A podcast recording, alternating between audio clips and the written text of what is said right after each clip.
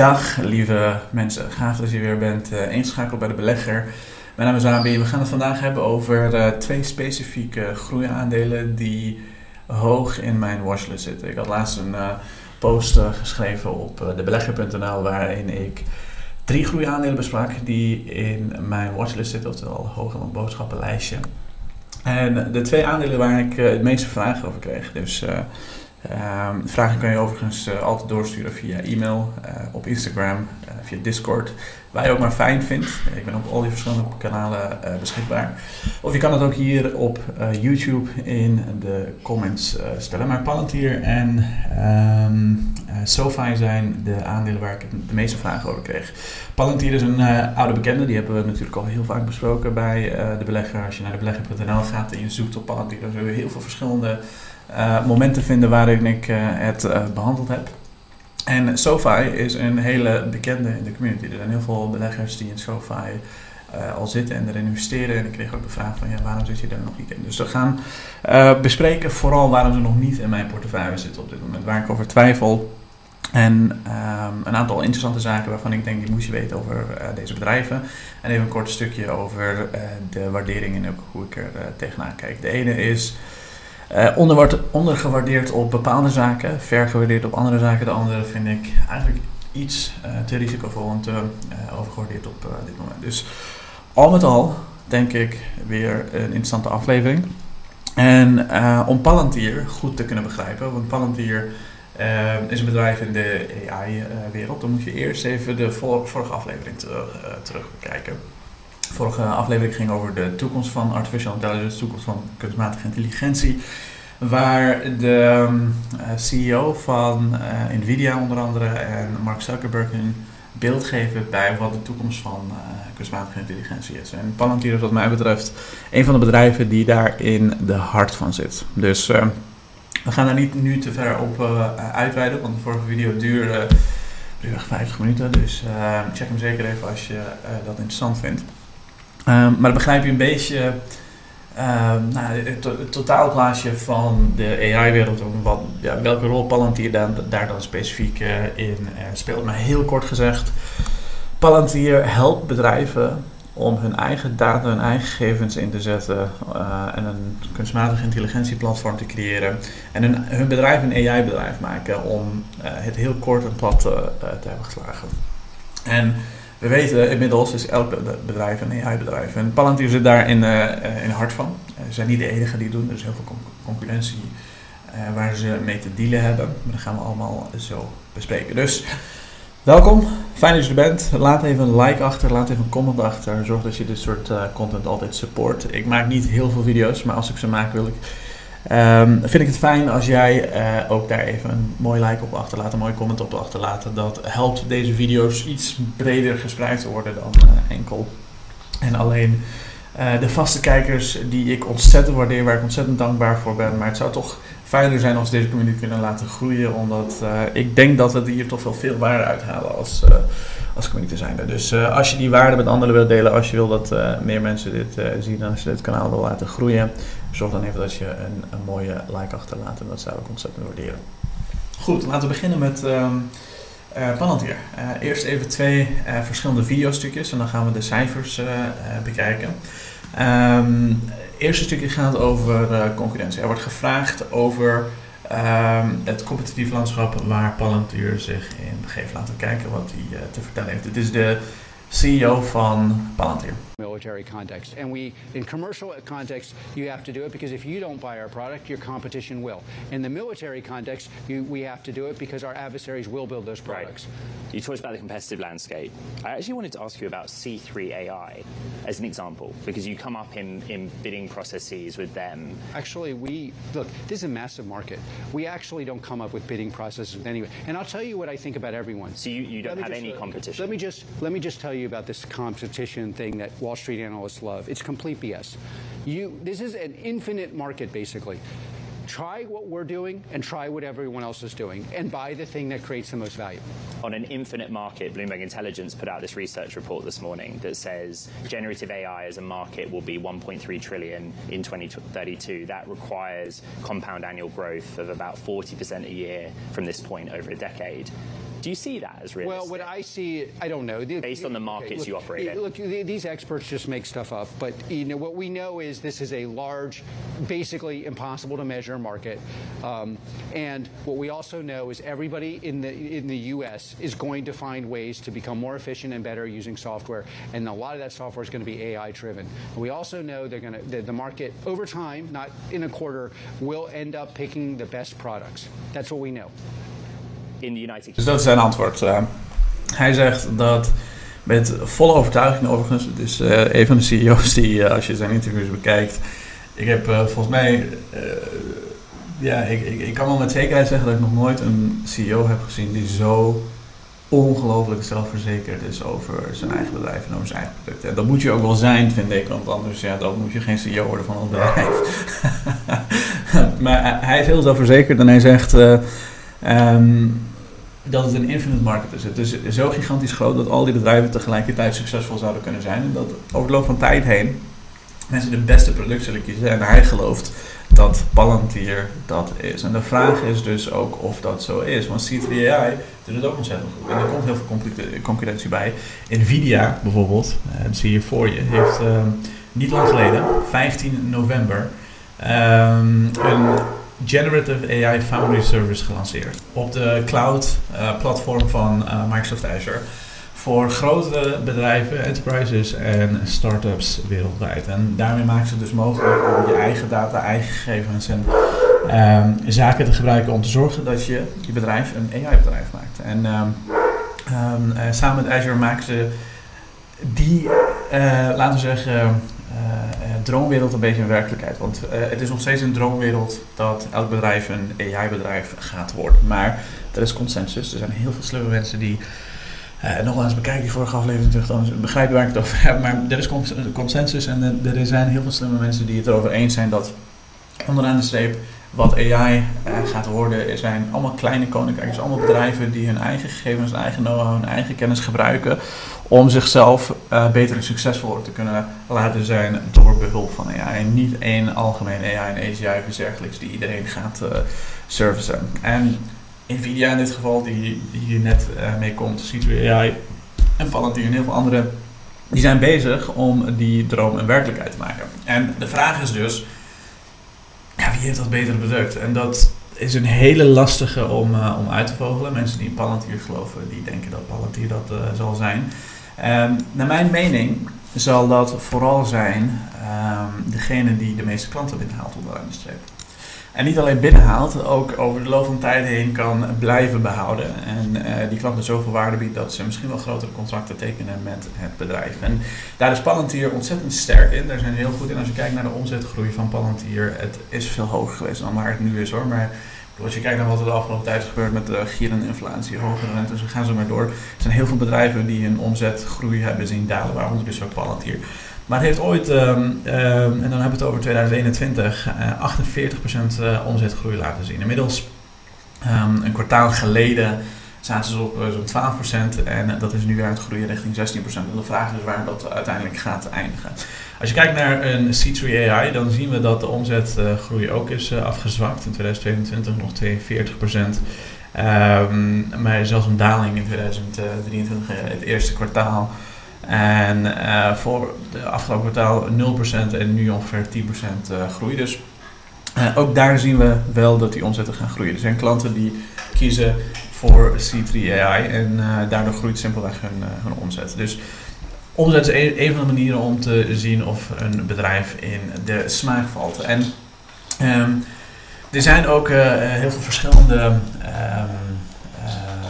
ja, management consultancy bureaus, zou je kunnen zeggen, zoals een Gartner, die heel duidelijk aangeven dat Palantir uh, bovenaan staat qua technologie en dergelijke. Maar concurrentie komt en wie weet wat straks Nvidia gaat presteren op dit vlak en wie al, hoe al die andere bedrijven gaan presteren. Dus ik ben nog niet 100% overtuigd over uh, dat Palantir degene gaat worden die uh, in deze wereld het succesvolst gaat zijn. We weten in ieder geval wel dat ze ontzettend goede relaties hebben met overheden. Overheden die um, ja, heel graag de technologieën van een Google en Apple en Amazon, dat soort partijen willen gebruiken, maar die eigenlijk niet met um, overheden, vooral op militair vlak, wilde gaan samenwerken om AI in te zetten op militair vlak. Want dan kan je jezelf nogal eens in de voet schieten. En als je ehm, gigantische overheidsinstanties binnenhaalt, dan heb je dus ook vertrouwen van uh, commerciële klanten. En commerciële klanten werken natuurlijk wel iets anders. We zien wel dat de groei daar enigszins uh, uh, tegenvalt. En de reden dat het tegenvalt is omdat de CEO van Palantir altijd een ander idee had bij verkoop aan commerciële klanten. En verkoop aan commerciële klanten is anders. Kijk, een overheid, laten we zeggen de, de, de, de militairen in uh, de, de, de VS of uh, de, NHS in, um, in de UK. Um, die hebben een andere incentive. Die willen graag een product kopen wat werkt. In de zin van uh, dat ze voor elkaar krijgen wat ze voor elkaar wilden krijgen ermee. En als dat werkt, top, dan geven ze daar geld aan uit. En commerciële klanten die zijn heel anders. Die willen heel graag kwartaal op kwartaal, maand op maand, elk jaar weer rendement terugzien op hun investering. En dat is iets wat, waar je een heel groot en goed en gedegen sales team voor nodig hebt om dat voor elkaar te krijgen. Mensen die continu met die klanten bezig zijn en ten eerste ze beloftes kunnen doen die ze ook waar kunnen maken. En ten tweede die beloftes ook daadwerkelijk gaan waarmaken. En ben je dus heel erg afhankelijk van de relaties managen met die zowel groot als de kleinere klanten die um, Palantir gebruiken. En dat is een, een, een idee uh, waar de CEO van Palantir niet 100% achter stond. Die zeiden, wij hebben het allerbeste product, dus mensen moeten dat willen kopen. En als ze het niet kopen, dan gaat een concurrent uh, dat kopen. Dus dan zou dat al groot genoeg incentive moeten zijn om dat uh, te kunnen doen. Nou, dat werkt dus niet zoals behoren. En ik ben het ook, ik kan je vanuit mijn eigen ervaring vertellen dat dat niet gaat werken met commerciële klanten. Dus dat biedt heel veel ruimte voor heel veel andere concurrenten om daar heel, veel, ja, heel succesvol mee te zijn. Um, dus dat, is, ja, dat zijn mijn gedachten daarover, hè, kwalitatief, kwalitatief ge, gesproken over uh, Palantir. Um, een ander iets wat me tot nu toe tegenhoudt. En uh, ik moet zeggen tot nu toe, want uh, voor mensen die lid zijn van de belegger en binnen zo'n community zitten, die hebben misschien wel maar eerder posts over Palantir gezien. En die weten dat ik heel erg aan het twijfelen was in eind vorig jaar om Palantir te kopen. Sterker nog, het zat ehm, ik had letterlijk bijna op de uh, koopknop gedrukt, uh, maar ik maak me wel zorgen over een aantal zaken. En lang twijfelen bij bedrijven als Palantir kan je nog wel eens geld gaan kosten. Nou, dat heeft het zeker gedaan, want Palantir staat inmiddels bijna zo'n 200% hoger dan in die tijd. Um, in die tijd was het op price-to-sales ratio relatief oké gewaardeerd. En um, als ik een beetje berekeningen maakte, ik zag de omzetgroei weer toenemen, weer oppikken dan zou het richting de 20% moeten kunnen groeien de komende, laten we zeggen, vijf jaar. Um, dan zou je het dus voor een price-to-sales ratio, voor een price-to-sales ratio van zo ongeveer 3 hebben kunnen kopen in die tijd. Nou, dat vond ik een hele prettige gedachte. Alleen ik was kwalitatief ook niet 100% zeker of Palantir nou het bedrijf zou worden die, die zou denken. En er was geen enkele garantie dat die omzetgroei zich zou weer gaan oppakken. Sterker ze nog, ze zitten nu nog steeds onder die 20%. En de vuistregel die ik heb bij uh, dit soort waarderingen is als ze zo'n 20% per jaar kunnen groeien, voor de komende 3,5 jaar uh, op zijn minst, um, dan zou je de waardering door de helft kunnen delen. He, dat, dat, is een hele simpele berekening, er zitten heel veel dingen achter. Voor de mensen die die berekeningen maken, die zullen denk ik heel snel begrijpen wat ik bedoel. Maar 20% groei per jaar betekent elk 3,5 jaar dat er een, uh, een halvering komt in de waardering. En dat uh, had ik eigenlijk toen wel moeten doen. maar dit is in principe aan het bedrijf is er niet uh, denderend veel veranderd of iets dergelijks. Dus er is al heel veel ophef over AI, laten we zeggen. Um, maar ik zie dat nou niet gigantisch nu terug in die omzetgroei of iets dergelijks. Als je kijkt naar Nvidia, hoe gigantisch die omzetgroei is en heel veel andere bedrijven zoals een SMCI en gaan zo maar door. Dat zie ik nu nog steeds niet terug bij Palantir. En uh, daar kun je heel veel dingen over zeggen. En uh, uh, het is nou niet de grote surprise geweest die we allemaal met z'n allen hadden gehoopt en verwacht. Dus het blijft een watchlist, heel hoog in watchlist. Maar tegen deze prijs en met zoveel onzekerheden en dergelijke. nu zou ik het niet van plan zijn om te kopen, laat ik het zo zeggen. Dus ik hoop dat dat de vragen over Palantir grotendeels beantwoordt. Um, laten we het nu hebben over SoFi. Uh, Social Finance, um, een heel interessant bedrijf die ook al een lange tijd in mijn vizier zat, maar die in de community de afgelopen tijd ontzettend gehyped is. en dat bedoel ik in de positieve zin, niet in de negatieve zin. er zijn heel veel mensen die er wat van vinden. Er zijn heel veel mensen die het een geweldig aandeel vinden. Er zijn heel veel mensen die het bezitten. En er is iemand in de community die het een heel interessant aandeel vindt. Daar heeft hij een gigantische bedrag in geïnvesteerd. En dus het wordt veel besproken. En ik heb het ook. Um, dat soort eh, bedrijven die bekijk ik zelf ook. En als ik ze interessant vind, voeg ik ze misschien wel zelfs toe in mijn portefeuille.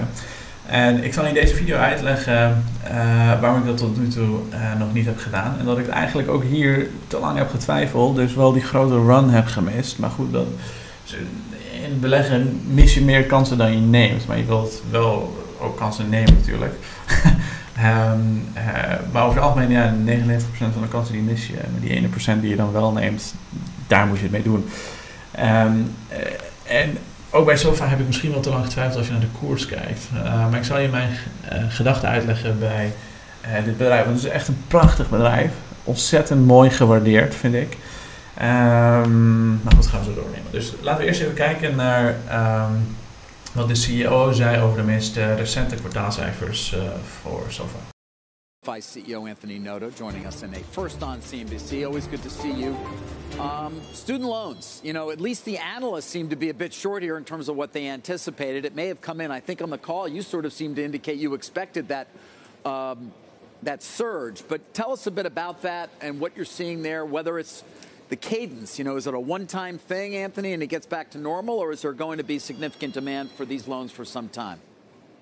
Yeah, so David, I, I, think there's just a misperception that student loans were a big driver in the quarter. They were not. 67% of our absolute growth in revenue dollars was from non lending, so our technology platform business, as well as our financial services business, which includes checking and savings, investing, credit card.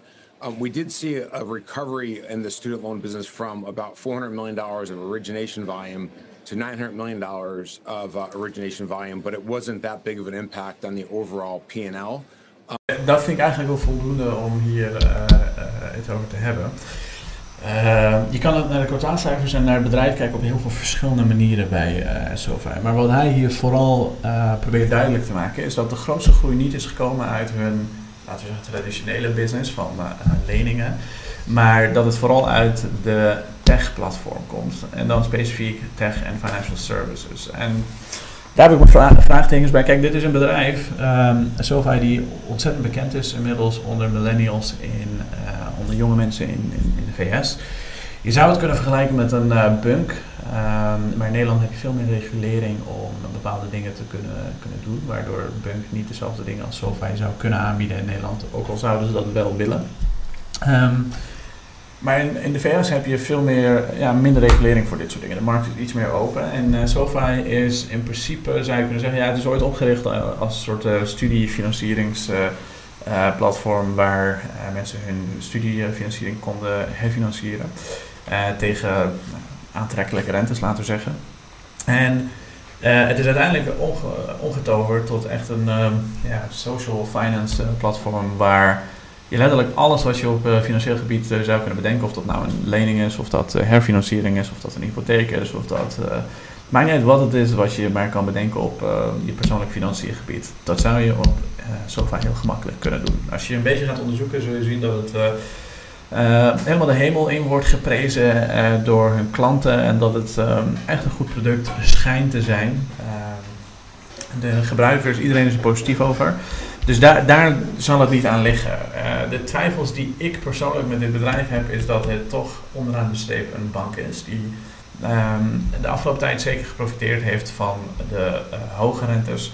Um, om daar relatief veel inkomsten mee binnen te halen. Uh, maar ook um, bij lage rente is het uh, ontzettend goed schijn te doen, omdat ze hele competitieve rente kunnen aanbieden. Um, er zitten allerlei redenen achter, daar ga ik jullie niet mee uh, vervelen, maar dat kunnen ze dus wel aanbieden. En dat maakt het bedrijf dus aantrekkelijk voor mensen die ge geïnteresseerd zijn in financiële diensten. maar als je kijkt naar de waardering, kijk, de, de zal heel even eh, de. Even kijken. Ik zal heel even meenemen eerst door de, uh, de price-to-sales ratio.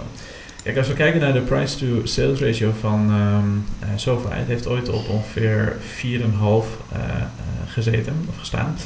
Um, het is gezakt naar 2,34 en dat zijn price-to-sales ratios die je met liefde betaalt voor zo'n bedrijf. Want um, ik weet niet of je het een beetje gezien hebt, maar is een bedrijf die ongeveer 27% uh, uh, omzetgroei heeft uh, neergezet. Dat zijn hele mooie cijfers, zeker in tijden zoals dit. Dus heel veel bedrijven die ver onder die percentages scoren. Uh, dus dat is, dat is fantastisch, want als je een beetje nogmaals die vuistregel meeneemt, dan zou je kunnen zeggen, als ze 27% per, jaar groeien, dat je zelfs eerder dan die drie, de komende drie jaar de waardering door de helft deelt. Dus laten we zeggen, de komende, voor de komende drie jaar dat je het koopt tegen een prijs van, laten we zeggen, prijs-to-sales ratio van anderhalf ruwweg. Um, het is super aantrekkelijk gewaardeerd en zeker als je hem hier in december kocht, mega, mega aantrekkelijk gewaardeerd. De, dan kost je hem in principe voor een price-to-sales ratio van, van 1. En ik, ik, als je een beetje uh, meeloopt, hoef ik je niet te vertellen hoe goedkoop dat is. Um, zeker met een bedrijf die dergelijke, dergelijke groei laat zien. En er zijn mensen die zeggen die groei zal kunnen gaan accelereren de komende tijd. Dus het, als, je, als, je daar, als je naar het price sales ratio kijkt, dus als je het als techbedrijf zou uh, waarderen, dan is het ontzettend goedkoop. Maar onderaan de streep is dit gewoon een bank die een heel groot gedeelte van hun geld via loons en, en, en, en, en, de rente binnenhaalt. Um, als je kijkt naar de price to book ratio, een bank kun je beter naar de price to book ratio kijken, dan is het ver gewaardeerd. Dus dan is het, um, sterker nog, het is hoger gewaardeerd dan waar het ooit is geweest. Dus de vraag is, kan dit bedrijf zichzelf omvormen van een, tech, of, uh, van een um, uh, bank of een traditioneel, uh, ja, simpelweg een bedrijf die zijn geld uit leningen haalt, naar een bedrijf die een techplatform is. Want daar, dan um, kan je zelfs SoFi Technologies noemen. En dan um, kan je gaan kijken naar het bedrijf tegen andere waardering. En wat hij dus zei in het begin van dit filmpje wat ik net liet zien, is dat hij ziet dat de grootste groei, 76% groei geweest in hun uh, tech en financial services platform. En sterker nog, er zijn um, geluiden dat het de helft zou kunnen vertegenwoordigen van het totale omzet volgend jaar. Ik moet zeggen, ik vind dat lastig om te geloven. En dat is de reden wat mij persoonlijk tegenhoudt. Um, omdat het, als je kijkt naar um, de omzet op lending. Uh, dan zie je ongeveer 348 uh, miljoen omzet die daaruit uh, komt. Als je kijkt naar de contribution to profit, dus hoeveel winst het heeft bijgedragen, ongeveer 203 miljoen. Als je kijkt naar bijvoorbeeld de techplatform, 89 miljoen heeft het gegenereerd. Als we dat vergelijken tegenover een jaar geleden, dat is 85 miljoen. Dus die groei is eigenlijk heel weinig geweest in de techplatform. De grootste groei is gekomen uit hun financial services platform. Dat zie je hier. Uh, net interest income is uh, 93, uh, 93 miljoen. Uh, tegenover een jaar eerder waar het 45 uh, miljoen was. Of nee, 28 miljoen was zelfs. En als je daar een beetje dieper op induikt, kijk, financial services, er zijn heel veel verschillende dingen die eronder vallen, maar dit is niet hun meest, meest, winstgevende tak of iets dergelijks. Als je kijkt naar bijvoorbeeld in, een jaar eerder, 28 uh, miljoen aan omzet binnengehaald, maar 52 miljoen verlies daarover gemaakt. En hier ook 93 miljoen binnengehaald, maar 3 miljoen winst erover gemaakt. Dus het is super onwinstgevend. Als je kijkt naar de techplatform, dan zie je 89 miljoen binnengehaald en contribution to profit is 32 miljoen. En dat, dat zijn de cijfers die je wil zien. Ik, ik zou uh, SoFi um, als een techbedrijf waarderen en er ook gewoon volledig in zitten nu. Zonder ook maar een seconde erover hoeven na te denken, want dan zou het uh, qua waardering gigantisch goedkoop zijn. maar feit blijft dat die techplatform dus eigenlijk niet zo heel veel groeit. En ze moeten het vooral van financial services en lending hebben. En dan moet je het echt wel zien als een traditionele bank. En zelfs in dat geval zijn het natuurlijk fantastische cijfers wat ze neerzetten. Uh, maar als je het als een traditionele bank ziet en je kijkt naar bijvoorbeeld hoeveel um, schuld ze hebben, hoeveel uh, cash ze hebben, dan vind ik dat dit niet per se in mijn portefeuille past. Want in mijn portefeuille wil ik idealiter bedrijven zien die en fantastische groei laten zien en serieuze techplatform zijn. Ehm, waar je dus hoge marges hebt, hoge winsten kunt boeken. Misschien nu niet winstgevend bent, dat vind ik helemaal niet belangrijk. Ehm, maar wel de potentie hebt om gigantische winsten te boeken als je een bepaalde grootte hebt bereikt. En ehm, dat je onderaan de streep heel weinig schuld hebt tegenover de cashpositie die je op je balans hebt staan. En aan al die dingen voldoet SoFi niet, wel aan de groei. Uh, maar die groei is niet het enige wat telt. En dat is de reden waarom ik uh, over SoFi uh, heb getwijfeld. Maar wel die grote run heb gemist. Dus weet je, het is een fantastisch bedrijf. Maar dat zijn de redenen waarom ik over deze bedrijven twijfel. Omdat ze nog niet in het portefeuille heb. En ik hoop dat dit een leerzame sessie voor je was. Um, en nogmaals, als je het hebt over dit soort. Er zijn altijd mensen die dat aandeel bezitten. En die gaan dan heel erg proberen te discussiëren en mij te overtuigen waarom dat wel zo is. En, dat waardeer ik ontzettend. Dus ik vind het fijn als je dat doet. Maar er zijn ook heel veel mensen die uh, dan je persoonlijk gaan aanvallen. En die zeggen, joh, uh, je snapt het niet. het maakt niet uit. Ik, ik, ik beleg mijn eigen geld natuurlijk. En dit zijn de redenen waarom ik het dan... Waarom ik denk dat het nu nog niet in mijn portefeuille zit. En, ehm, de reden dat ik het deel is puur vanuit het perspectief zodat jij ervan kan leren. En misschien heb jij er een beter beeld bij en je zegt, joh, je mist het. En leg jij wel en zo verdien je heel veel geld mee, wie weet. Dus ik hoop dat je er wat aan had. Ik hoop dat je het een fijne, interessante, leerzame aflevering vond vooral. En als dat zo is, laat even een like achter. Laat ook even een comment achter. En zeker als je het tot het einde hebt bekeken. Want het zijn video's die soms wel een half uur duren. En er zijn niet heel veel mensen die een half uur de aandachtspan hebben om het te bekijken. Dus als je dat wel hebt gedaan, zeg even bingo in de comments. En dan uh, zie ik je bij de volgende video terug.